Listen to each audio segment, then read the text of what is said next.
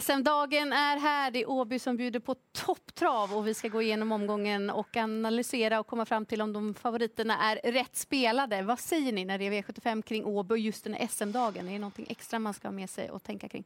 Jag tycker bara den brukar sätta stort avtryck, typ. Alltså man kommer ihåg den här dagen av någon anledning år efter år. Jag tycker ändå de, man går ifrån lite det här vanliga V75-upplägget med klassindelning, utan det är liksom SM-guld som ska delas ut i massor och så kryddar vi det med lite uttagningslopp till Europaderbyt och så vidare. Så det är ju en otroligt härlig tävlingsdag och en jätterolig omgång. Det är lite uppfriskande att det inte är Örjan Kihlström, Magnus A. Djuse i favoritposition och inte ens i alla lopp. Nej, Nej verkligen. Precis.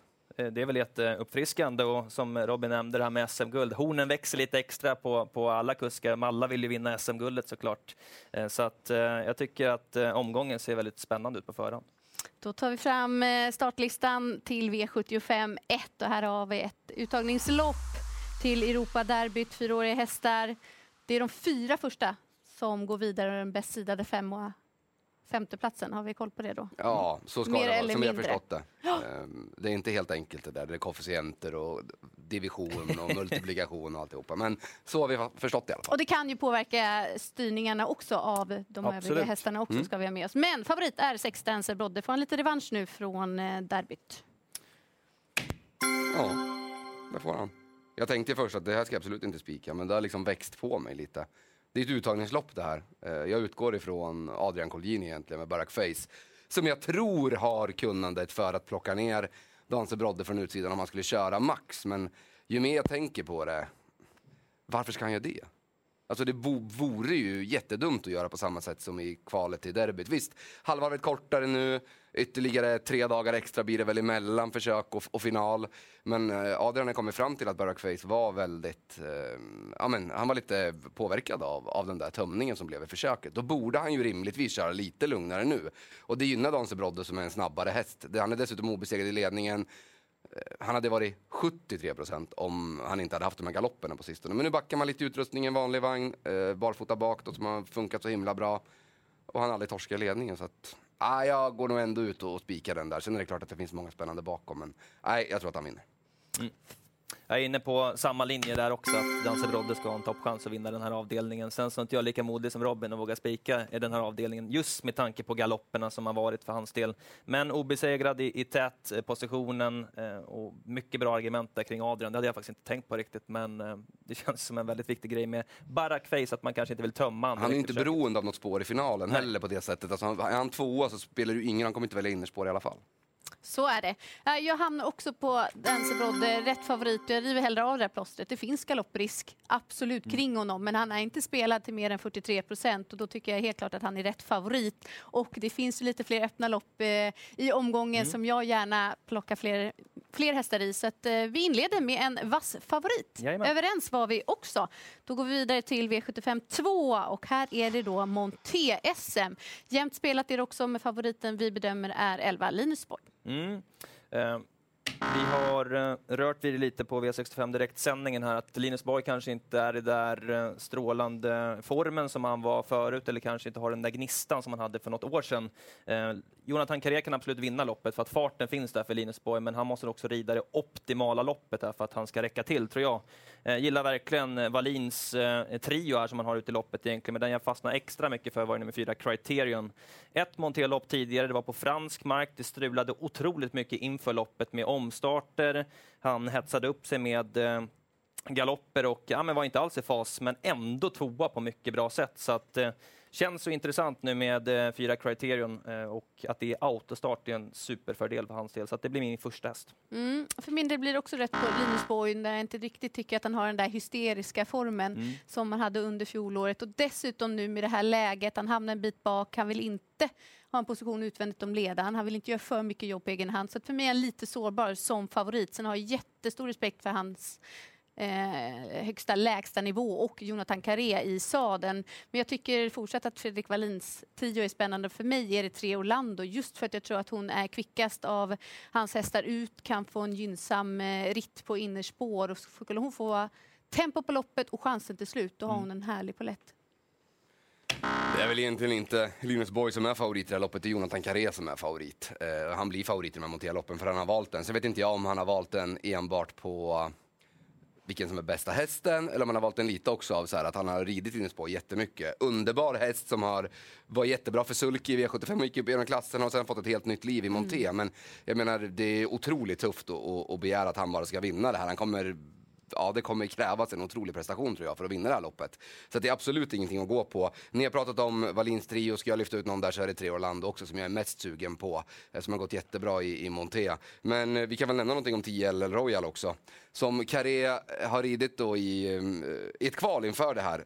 Red väldigt snabbt sista varvet där och testade LL Royal. Sen valde han ju bort den och det kan man ju fundera lite över. Men samtidigt nu då, Berg har inte vågat ha rycktussar på honom någon gång i sin regi. Det blev mm. en liten incident där när de provade att rycka dem på Solvalla en gång. Men nu i, eh, för sadel då, så ska man prova det i monterdebuten. Det låter ju jättebra kring LL Royal. Så att jag drar en extra lans för den. Jag tycker att till 9 så är det kanske min första häst ändå.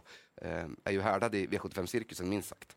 Mm, då går vi vidare till ungdoms-SM i V75 3 och det är Magnus A. Huse i position, eh, favoritposition med sju Great Time Trot. Det är nästan konstigt att han kör det här loppet.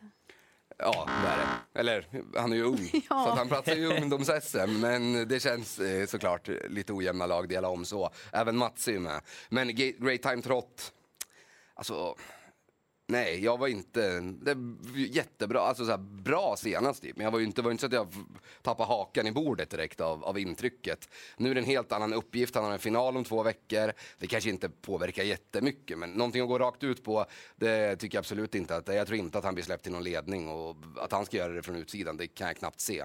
Så att eh, vi sträcker väl vidare. Eh, i det här loppet. Jag skulle lyfta två hästar. Dels två Gary Lamarck som jag tyckte var otroligt fin i debuten för Bo Westergård mm. senast. Mm. Liksom, ja, jag gillade verkligen stilen på den där och det såg inte tomt ut över mål. Ska ha gått framåt med det också. Och så 11 Jalapeno K. Klart bättre än raden. Um, rejält bortkörd av Carl-Johan Jeppsson senast. Det är ingenting att säga. Han lämnade ledarryggen där och körde bort en, en fin placering. Det kan nog bli tryck på det här, det tror jag gynnar Jalapeno K, så det är draget. Eh, rätt också på Time Trot som ändå inte imponerat så på mig. Så som du sa i motelloppet, det känns ju som att det är Jonathan Carré som blir favorit. För mm. mig är det likadant här, fast ja. det är Magnus A. Djuse som man spelar på. Och eh, jag är inte helt säker på att hästen eh, infriar de här förväntningarna. Sex Paragraph tycker jag är den som ska vara favorit. Men givet och garderat, jag tycker ett Putte har ett väldigt spännande utgångsläge om han får puttra med där på innerspår och få chansen till slut. Vi har ju sett i de här loppen när det blir riktigt högt tempo hur gynnsamt det är om man bara är med på innerspår och får spela ut en härlig speed till slut. Och sen två Gary Lamarck. Ja, men jättebra intryck mm. senast. Eh, ni har sagt det mesta kring favoriten egentligen. Eh, han har väl inte visat tillräckligt för att vara favorit i ett sånt här fält och Magnus Djuse gör väl sin beskörda del till den där presenten. Eh, så att jag tycker vi garderar på här. Nummer tre, Mercury Book har jag fastnat för. Eh, pratade lite med Malte Handfast här tidigare under dagen och har ändå med honom på tåget. Eh, han hoppas på att kunna ta sig förbi hästarna 1 och 2 och sen ska han släppa till eh, ja, eh, någon av de mer betrodda från bricka 6 till 8 där då. Får se hur den taktiken går, men kommer säkerligen få ett lopp på innerspår här och har ju en bra speed till slut också. Så jag plockar med mig tre Mercury Book och sen även nummer 10 Dino Cream. Mycket utrustningsändringar här. Amerikansk vagn för andra gången, det är barfota runt om, det är norskt huvudlag. Och så är det Ryktussa dessutom, så att eh, det är ju en tvåprocentare som bara eh, skulle kunna vara sjukt förbättrad till eh, morgondagen. Så Dino Cream kommer inte jag torska på i alla fall. V75 4, det är 15 ston som är upp över 2640 meter. Det är en spårtrappa och favorit är nummer 5, Nine Points Birdie.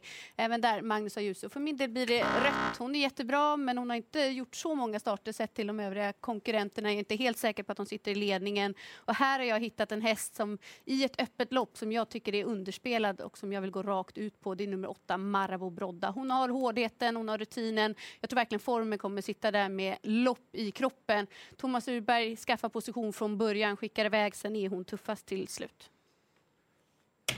kanske ska göra ett system ihop imorgon, Sandra. Ja.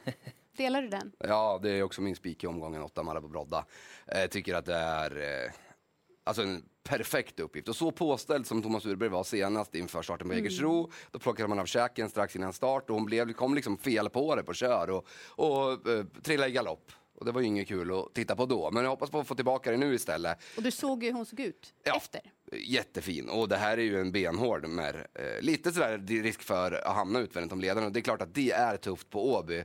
Men samtidigt, eh, blir det den där amerikanska vagnen som man spekulerar, bara gått i den en gång och var jättebra då gått jättebra över den långa distansen. Så att de där orosmolnen är ingen fara för mig alls. Och i en spårtrappa, spår 8 är bra. Jag läste någonstans att Urberg tyckte att spåret var lite synd på läget, men det är väl drömspåret i en Men det är kuskarna måste förstå hur mycket gynnsamt det är. Mm. Ja. För de tävlar mot hästar som är en helt annan klass Precis. lägre. Och det är det man måste utnyttja. Sen Ja. förstår jag att man inte vill lägga hela lasset, men du måste nyttja läget. Annars är du ju körd. Det är 15 hästar i loppet. Ja, men det är bara att titta, precis som du är inne på, eh, Marabou Brodda härdad i brons sett till hur mycket pengar han har och det är liksom klass 1-hästar invändigt där. Och trycker han till då så borde de ju vilja släppa den här distansen. Och open stretch. Precis.